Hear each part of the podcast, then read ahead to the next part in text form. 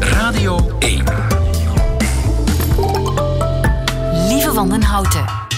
Nieuwe feiten. Dag, u luistert naar de podcast van Nieuwe Feiten van woensdag 21 maart, waarin we niet dieper zullen ingaan op de slechtste slogan die al verkozen is in Nederland naar aanleiding van de gemeenteraadsverkiezingen. Mensen konden stemmen uit een selectie door een vakjury van 10 slogans. Ik noem er een paar. Voel de liberaal in je. Geprint op condooms nog wel. Relax, kies twanne en betaal minder tax.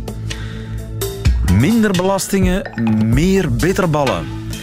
Maar de winnaar is eh, Kelly Uiterwijk uit Beverwijk, die voor haar partij deze knaller bedacht. En haar partij die heet Vrij. En de slogan gaat zo vrij als een aardbei. Geweldig toch? De andere nieuwe feiten vandaag zijn... De VRT ontdekt 58 vossenholen in haar tuin. De donderpreek is heel even terug van weg geweest in Geel. De gemeenteraadsverkiezingen in Nederland zijn de eerste grote test voor de nieuwe Nederlandse regering. En er is een test in de maak die checkt of er geen drugs in je drankje zit. Het middagjournaal komt van Bavo Klaas. Geniet ervan.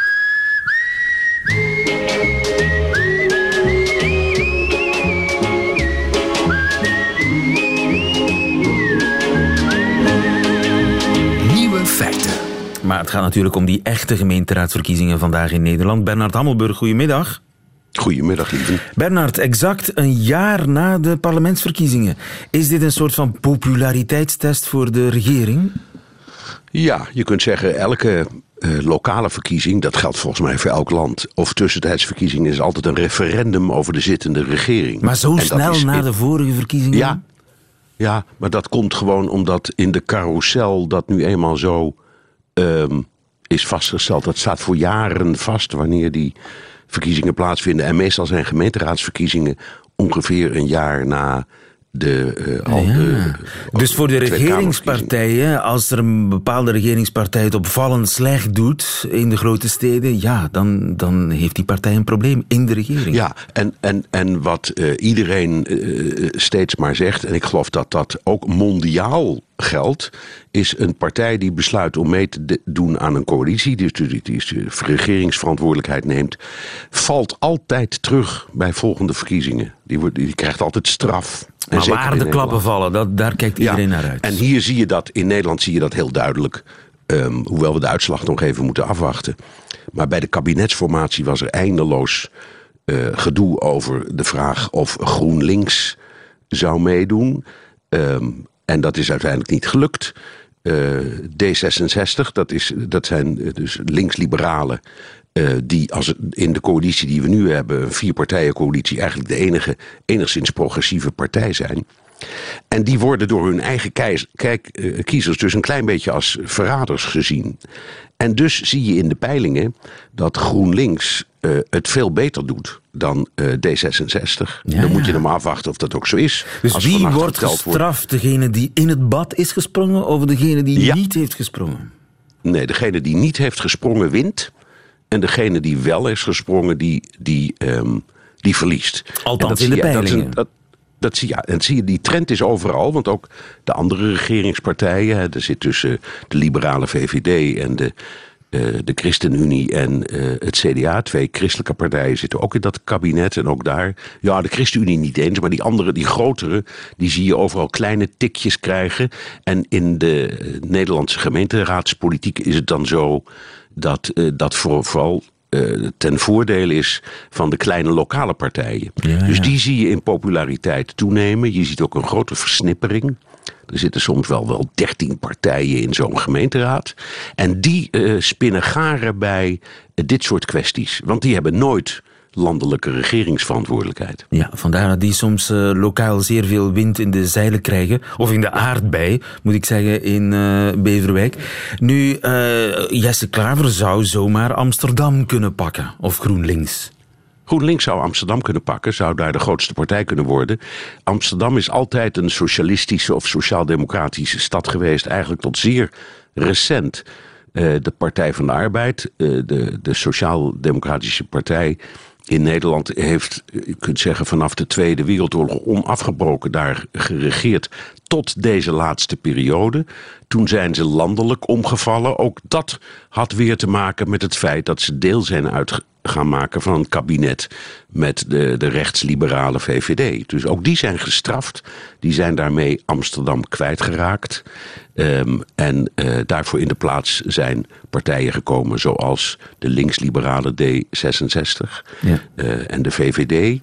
Maar ook die zou nu kunnen eh, worden opzij geschoven. Maar Amsterdam, maar Amsterdam is wel een linkse stad. Dus het zou mij niets verbazen als GroenLinks daar de grootste partij werd. En natuurlijk, waar iedereen naar uitkijkt, daar hadden we nog niet over, is dat Forum voor Democratie. Hè? Ja. Want Thierry Baudet, dat, dat is toch een fenomeen, hè? is een fenomeen en het, ik denk dat hij zijn succes te danken heeft um, aan het feit dat hij door heel veel kiezers, en mijn zinziens terecht, wordt vergeleken met uh, de nationalistische PVV van Geert Wilders. Maar uh, de toon van Geert Wilders is altijd boosaardig en cynisch en vaak heel rabiaat en gemeen. Um, en bovendien, het is uh, iemand van wat ze in het Engels noemen een single issue opvatting. Hè? Dus hij heeft het eigenlijk alleen maar over de islam en nooit over iets anders. Thierry, Baudet staat niet ver van hem af, maar die is in, in ja, in presentatie ongeveer diametrale tegenovergestelde. Het is een charmante jonge man, een, een gentleman. Hij heeft een beetje Macron-trekjes. Heel erg cultureel. Hij speelt prachtig piano. Hij kan uh, een goede kapper. Het, een betere kapper in elk geval dan Wilders. Een betere kapper, ja. En hij kan grappen maken in het Latijn. En het, het is iemand die op alle gebieden... Uh, veel, ja, veel, ik gewoon een leukere man. En uh, iemand, en vanuit die positie fulmineren tegen de Europese Unie. En wat voorzichtiger in dingen als uh, bedreigingen van de islam, terwijl hij dat wel doet, dat zet hem op de politieke kaart en dat heeft hem tot nu toe enorme winst opgeleverd. Ja, dus daar kijken we ook naar uit, naar uh, het al dan niet succes van dat Forum voor Democratie. Nu, die verkiezingen hebben die veel invloed op wie er uiteindelijk burgemeester wordt, want in Nederland wordt die burgemeester door de regering benoemd. Ja, maar de procedure is aan het kantelen. Dus vroeger was het echt zo dat de burgemeester werd benoemd door de koning. Um, eh, op voordracht van een commissie. Nu is het zo dat we zijn onderweg naar gekozen burgemeesters, maar zover zijn we nog net niet.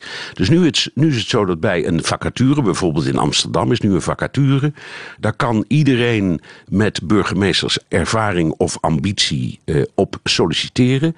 En dan is er een commissie samengesteld uit de gemeenteraad. Dat, zijn dus, dat is dus het parlement van de stad dat uiteindelijk oordeelt wie het wordt. Ja, ja dus, dus dan heeft het, toch een we zitten, al, we zitten al dicht ja, we zitten al dicht aan tegen een systeem dat lijkt op de landelijke uh, systematiek. Hè, met een parlement en schepenen, zoals eh, in België, die worden bij ons wethouders genoemd.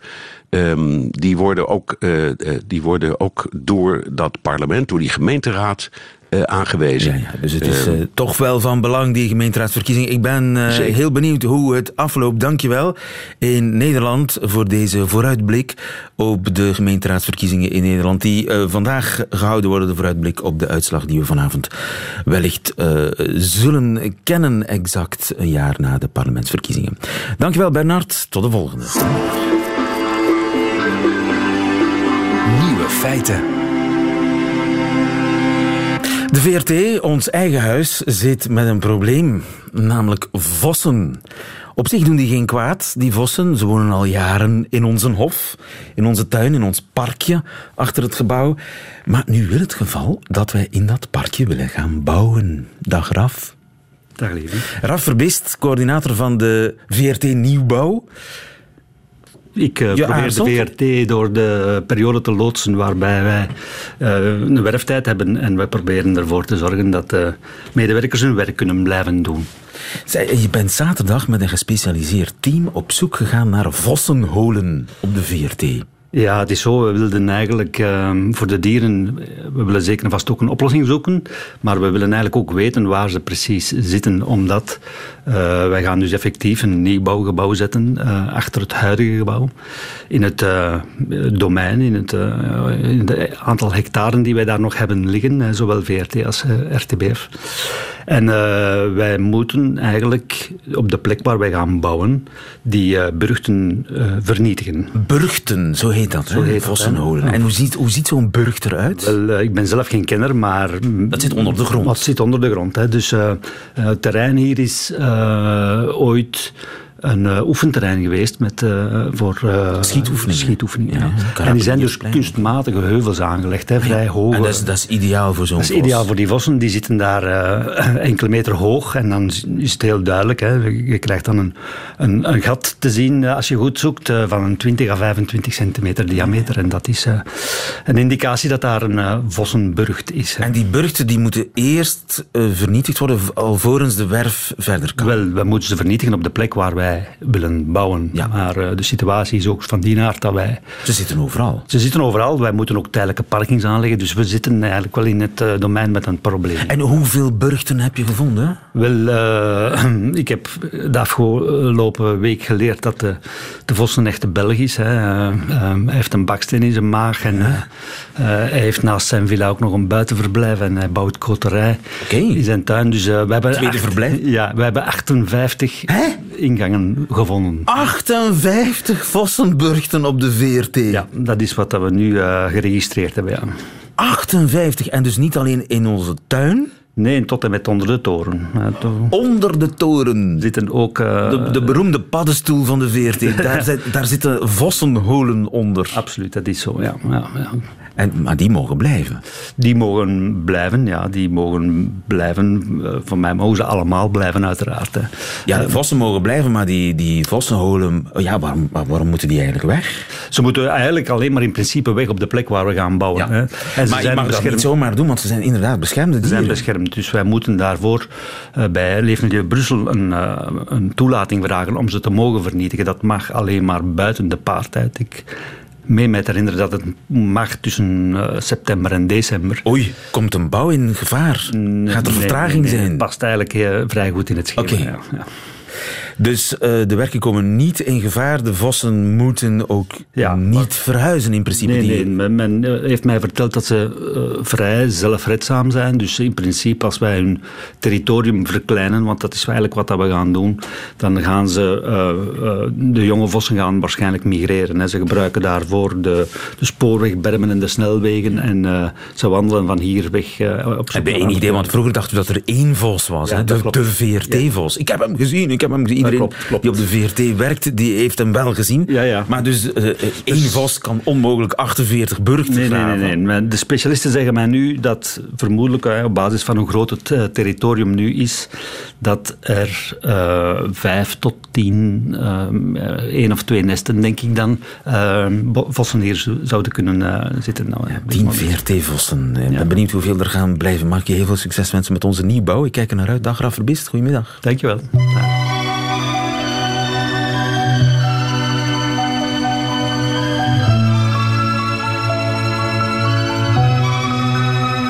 feiten. Donderpreken, ik ken ze alleen nog maar van horen zeggen. Ik heb er misschien als kind wel eentje meegemaakt. Ik heb er nauwelijks herinneringen aan. Maar tot diep in de jaren 60, 70 trokken van die gespecialiseerde donderprekers van kerk tot kerk in Vlaanderen om de parochianen met luide stem tot de orde te roepen. Hoe dat ging en hoe dat klonk, dat kon u gisteren in een kerk in Geel meemaken. Het Davidsfonds bracht er in een bomvolle kerk een brok Vlaamse geschiedenis tot leven. En onder de beminde gelovigen bevond zich onze reporter Brecht. De zoon des mensen zal zijn engelen sturen. Zij zullen de boze verzamelen en in de vuur overwerpen. Daar zal geween zijn en geknars van tanden. Zie daar het eeuwige lot van de mens die in staat van doodzonde sterft. Uh, ik heb het nog meegemaakt. Als kind van ongeveer tien jaar heb ik zo nog een bruine pater op de preekstoel weten staan die dus hel en verdoemenis probeerde in ons. Als, als, als snaakje van zeven jaar, dan, dan ben je natuurlijk onder de indruk. Hè? In de hel, zondaar! In dat land van schrik en verwarring, in eindeloze smarten, in onuitblusselijke vlammen. Die sloegen echt met de vuist op de preekstoel, dat de kerk bijna duifde. Want wij gingen terug naar huis en we waren bang omdat die, die zo geklopt op die preekstoel hadden, dat we bang waren voor naar huis te gaan. Dat weet ik nog. Maar toen was ik nog misschien tien jaar, elf jaar, zoiets. En ik ben er nu 77. Versteende zondaar, als gij u niet wilt bekeren, dan veracht gij de zegen van de verlossing. Dan zal de vloek des Heren op u nedervallen. En het eeuwige wee zal uw ziel en uw lichaam doordringen. Uh, een hele week, iedere avond. Hè. Een hele week lang was dat iedere avond preken de paters. En dan moesten we wel van ons moe allemaal heen gaan. Hè. Daar werd je niet vrolijk van, het was altijd slecht, slecht, slecht. Nee, daar werd je niet vrolijk van, helemaal niet. Nee, nee. Maar toch moesten we wel van ons moe gaan. En die hadden dan blote voeten, ook al was dat eigenlijk, dat was altijd in een herfst zo te doen. He, oktober, zoiets. En die hadden blote voeten. Hè. En dat wij als kind daar ook en ik keken en we dachten, ah, met blote voeten vandaag. Beste vrienden. Dat weet ik ook nog als kind, ja. Waar is de tijd dat we elkaar hier elke zondag zagen? Hm? Om de heilige hostie te ontvangen in een maag die niet zoals nu bezoedeld is met de zure resten van zwaar bier. Op de brakke brei van een halfverteerde kebab. Ja, ik heb het tussen mijn jonge jaren nog meegemaakt. Louis denk ik ook. Maar op dat moment ben je niet bewust dat je eigenlijk gemanipuleerd wordt, als ik het nu mag noemen. Maar ja, het gebeurde wel, maar je ging mee in die flow en in die manier van doen. En dat was, allee, dat was eigenlijk fantastisch, hè, want die man, het was niet allemaal helle vuur, want die konden ook wel uh, af en toe op de lachspieren werken. Zo, maar nou, allee, het vanaf welke paad. Dat was niet te veel, nee. Lachspieren kwamen er niet veel aan te pas. Allee, bij ons toch in de kerk toch niet toen. Na de Tweede Wereldoorlog tot begin jaren 50 was dat... Uh, als ik terugkijk in Limburg, in mijn parochiejaar, en dat was echt even af een toeloop van heel, heel veel volk. Ja. En, maar nadien is dat uh, ja, gelijk in de pudding in elkaar geslagen, een beetje zelf. Door. Gij zult vallen in de handen van die God, wiens wraak onvermijdelijk, wiens gramschap onverbiddelijk en wiens straffen voor de verworpenen. Op de duur kwamen er geen mensen meer naartoe. Hè. En daar werd halveling een beetje mee gelachen, omdat ze te duidelijk was dat ze de mensen schrik wilden aanjagen. wij hadden in alle geval schrik als, als kleine gast zo daar eh, in de kerk. Op de kerkstoel zaten we toch braaf. Zo. Om het met hedendaagse woorden te zeggen, beste vrienden, die tijd was cool. Die was keigoed. Helaas is die voorbij. Maar toch, toch ben ik verheugd. Want hier en nu nemen wij terug de draad op die wij verloren zijn in het labyrint van de moderne tijd. Zouden de donderpreken terug moeten komen voor de jongeren? Dat mag wel, voor mij mag dat. Maar er moet nog meer vuur in zitten. Dus de jongeren mogen wel eens doorheen geschud? Ja, Jullie mogen wel eens. Ik vind van wel, ja. Hebben een brief binnengebracht. Allemaal. Jij en jij en jij. Wat koestert jij? Zoals Judas zijn dertig zilverling. dat, zo nog de ouderwetse manier zoals wij dat meegemaakt hebben, dat kan bijna niet meer. Kom, dat, dat, dat, dat toch niet meer, denk ik, bij de jongere mensen. Grijp in uw zak, in uw binnenzak. Dan zou het kunnen zijn dat ze 50 jaar geleden schrik gebruikten als middel en het nu meer humor is? Doe het mij, kom aan! Doe hem, ja! Ik denk dat er, ja, ja, dat dat een gevoelige noot is dat er in het verleden veel te weinig humor in de kerk geweest is. Ja, ja. Veel te ernstig en zo. Hè. Ik wil deze prediking afsluiten met een zegening in het Latijn. Zoals dat jaren, jaren geleden gebeurde. In de jaren van onze onschuld.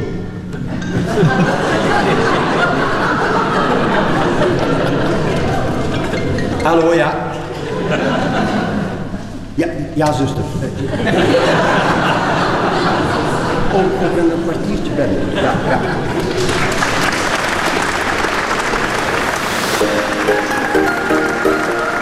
Nieuwe feiten.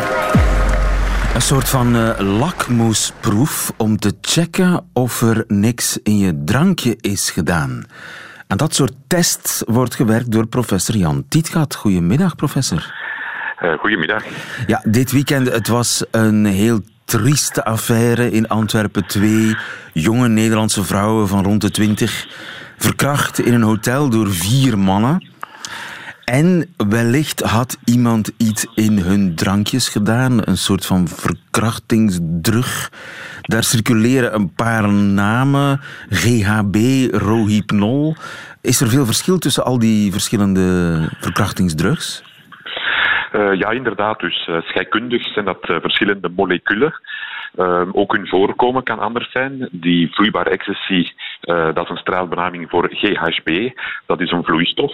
Terwijl die rohypnol, dat zijn ja, tabletten die dus eerst moeten opgelost worden. Uh, het kan ook om ketamine gaan. Dus je hebt ja, het scenario dat het verschillende stoffen kunnen zijn. Uh, ketamine, en, rohypnol, GHB. Ja. En ja. hebben die alle drie een vergelijkbaar effect? Wel zeker en vast de rohypnol en dan de vloeibare ecstasy of GHB. Dat zijn dus de echte bewustzijnsonderdrukkers. Wanneer je ketamine in het spel ziet, is dat ook nog meer uh, een soort narcose. Mm. Uh, en dat is iets minder bekend als verkrachting terug. Maar bewustzijnsonderdrukkers, ja, ik vertaal dat als verdoven. Ja, dat klopt. Dat is echt een verdoving. En het grote gevaar is de gelijktijdige aanwezigheid van alcohol. Want dat mag niet vergeten worden. Als je nu zo uh, GHB zou opdrinken, bijvoorbeeld met een colaatje of in, in gewoon water, dan is het effect veel minder krachtig dan wanneer je dat samen inneemt met alcohol. En ja, ik zeg altijd in mijn lessen dat een 2 plus 2 is 5 effect. Dus synergisme. En de mensen onderschatten dat. Ja, dus de alcohol versterkt het effect van de, de drugs. Ja. Uh, hebben die, die stoffen hebben die geen geur of kleur? Kun je dat nergens aan ruiken of zien of proeven? Uh, wel, dus de vloeibare ecstasy, dat is inderdaad uh, ja, kleurloos, uh, geurloos. een paar druppeltjes op een, biertje, cocktail, ga je echt niet zien of merken. Wat dus de rohypnol betreft, daar moet je zeggen dat inderdaad de fabrikant vroeger een waarschuwingskleur aan zijn tabletten had gegeven. Maar er zijn ook generische producten sindsdien op de markt die gewoon witte tabletten zijn. En u zal akkoord gaan, ja, als je nu een alcoholische cocktail neemt, die is al van zichzelf gekleurd. Ja. Dus die waarschuwingskleur is niet altijd afdoende. En het is niet zo dat er in een discotheek veel licht is, hè? Uh, er is ook al niet veel licht. Ja, ja en uh, ja, dat, dat noopt dan eigenlijk tot manieren om uh, ja, zo'n druggebruik te, te, alerteren of daartegen te gaan. Ja, en het ideaal zou zijn ja. dan dat je inderdaad een soort dingetje hebt om te checken, zit er iets in mijn drankje of niet? En daar is u aan, aan het werken. Ja, we zijn daar eigenlijk al sinds een aantal jaar heel erg in geïnteresseerd. Vooral de, de teststrips enzovoort en papiertjes en alles dat op de markt is via het internet en uh, vrij kan gekocht worden. Uh, en dat eigenlijk heel populair is in Amerika. Die bestaan al? Dus puur, ja, die bestaan al. En die dus, werken? Uh, dat, ja. Wel, dat is nu natuurlijk de vraag. Uh, we zijn in het kader ook van, van met studenten een aantal van deze commerciële kits aan het testen. Blijkt, voor sommige parameters werkt dat, maar voor een, andere, een aantal andere is dat absoluut niet betrouwbaar. En dan ja, is dat wel heel erg, want dan geef je natuurlijk een vals gevoel van veiligheid. Wat ja, en dat vergroot het probleem natuurlijk alleen maar. Exact, exact. En daarom zijn we uh, aan het proberen inderdaad een meer verfijnd, een meer betrouwbaar en accuraat uh, ja, systeem van testen aan het ontwikkelen. Uh, hoe dat, dat er finaal gaat uitzien, is dat ook een testpapiertje, is dat ergens een, een toestelletje, dat, dat, dat weten we nog niet. Dus nu zijn we volop aan het inzetten om zoveel mogelijk van die gekende verkrachtingsdrugs echt met een goede betrouwbaarheid te kunnen detecteren. Ja, maar het zou dus de vorm kunnen aannemen van een of andere strip die uh, ja, aan een toegangsticket hangt of aan, zo'n polsbandje hangt die je gewoon even in het drankje kunt uh, dopen. En als het uh, ja, van kleuren verandert, dan is er gevaar, zoiets. Ja, dat is zoiets. Hè. Je kan het denken, een soort businesskaartje van vorm of zo, dat bijvoorbeeld ook uh, op de toog van een café, van een dancing en zo, uh, ter beschikking is van diegenen die het even willen testen en gebruiken. Uh, ik denk dat daar niemand op tegen kan zijn. ja, en als het dan toch zulke feiten kan voorkomen, dan is het toch wel een, een goede zaak, denk ja, ik. Hè. Maar het is nog niet voor vandaag of morgen. Voor wanneer schat u ongeveer dat die toestelletjes of die strips ja, beschikbaar zouden zijn? Goh, um, we zijn toch al wel ver geraakt. Um, als ik ergens mag inschatten, dan kan dat toch, laten we zeggen, binnen, binnen één jaar of zo toch wel, wel ja, effectief al iets, iets worden. Dus ik, ongeveer een periode van één jaar. Uh, nog een jaar heel voorzichtig zijn. Ja, ja. En dan komt het uh, op de markt. Ja, en dat voorzichtig zijn, wat betekent dat? Nooit je drankje uit het oog verliezen? Wel, dat is een heel goede opmerking. Hè. Voorzichtig zijn is natuurlijk eh, beter uh, dan eigenlijk ja, te moeten gaan testen. En het is, zijn dus niet alleen de vrouwen, ze zijn uiteraard helaas het eh, eerste slachtoffer altijd, maar ook mannen kunnen het slachtoffer zijn. Hè. Denk aan uiteraard ook diefstal van gsm's en creditkaarten enzovoorts onder verdoving. En je moet dus altijd ja, bewust, als je een drankje gaat nemen, hou dat in het oog.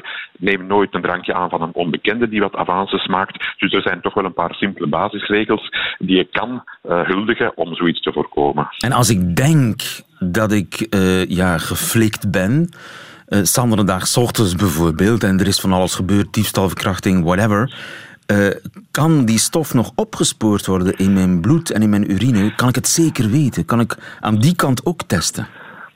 Wel, um, je moet voor die GHB uh, snel op de bal spelen. Dat is een stof, moet je weten, die wij van nature hebben. En om dus een inname te kunnen bewijzen wetenschappelijk, moet je gaan doseren. En dan moet dat een wel bepaalde concentratie aantoonbaar zijn.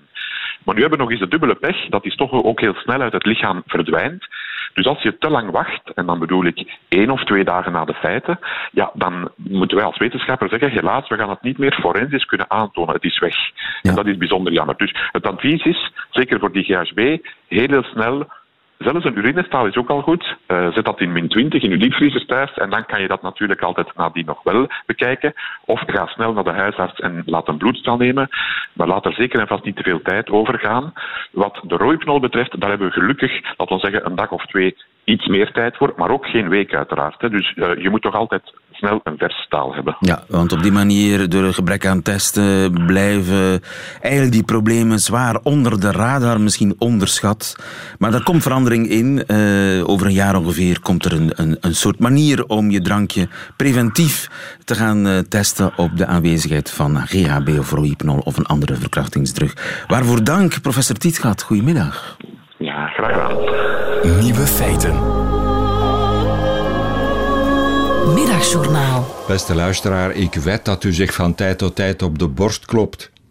De vraag is alleen, hoe doet u dat? Slaat u met een klein handgebaar op uw borstbeen, zoals de tollenaar in de Bijbel die spijt heeft van zijn zonde?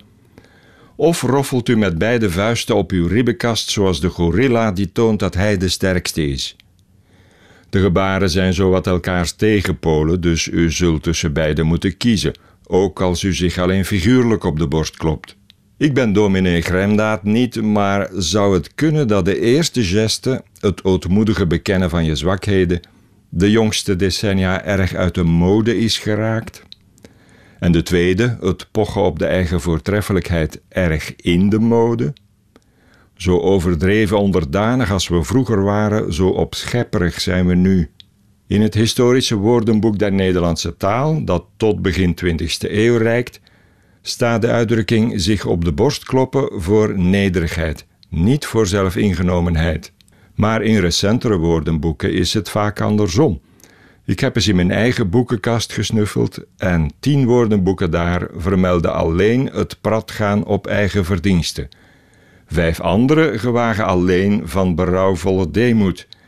En ik vind er maar twee waar beide betekenissen in staan. Eén van die twee, van Dales woordenboek Nederlands-Engels, koester trouwens een fris wantrouwen tegen mensen die voor hun fouten uitkomen, want er wordt venijnig aangemerkt dat hun schuldbesef al dan niet gemeend is. Voor blufferige borstklopperij geldt dat voorbehoud niet natuurlijk. Wie zijn eigen lof zingt, meent het sowieso. Geveinsd berouw, hand in hand met ongeveinsde zelfvoldaanheid. Dat is de top, als u het mij vraagt. Een gewaardeerd beoefenaar van beide disciplines is staatssecretaris Franke, boetvaardig tegenover de premier, apetrots op Twitter. Maar hij moet toch zijn meerdere erkennen in Donald Trump. Ik herinner me dat die op een keer aan mensen die hij geschoffeerd had zijn excuses aanbood, met de uitleg dat hij nu eenmaal een spontane prater is. En nog in dezelfde zin noemde hij dat juist een fantastische kwaliteit, want daardoor zou je van hem altijd de waarheid horen. Bewonder dat talent, luisteraar, om rouwmoedigheid naadloos in zelfgenoegzaamheid uit te laten lopen. Ziet u het voor u, de mimespeler die een zachte tik op de borst in één vloeiende beweging transformeert tot zo'n triomfantelijke roffel. Er schuilt waarachtig een zekere schoonheid in.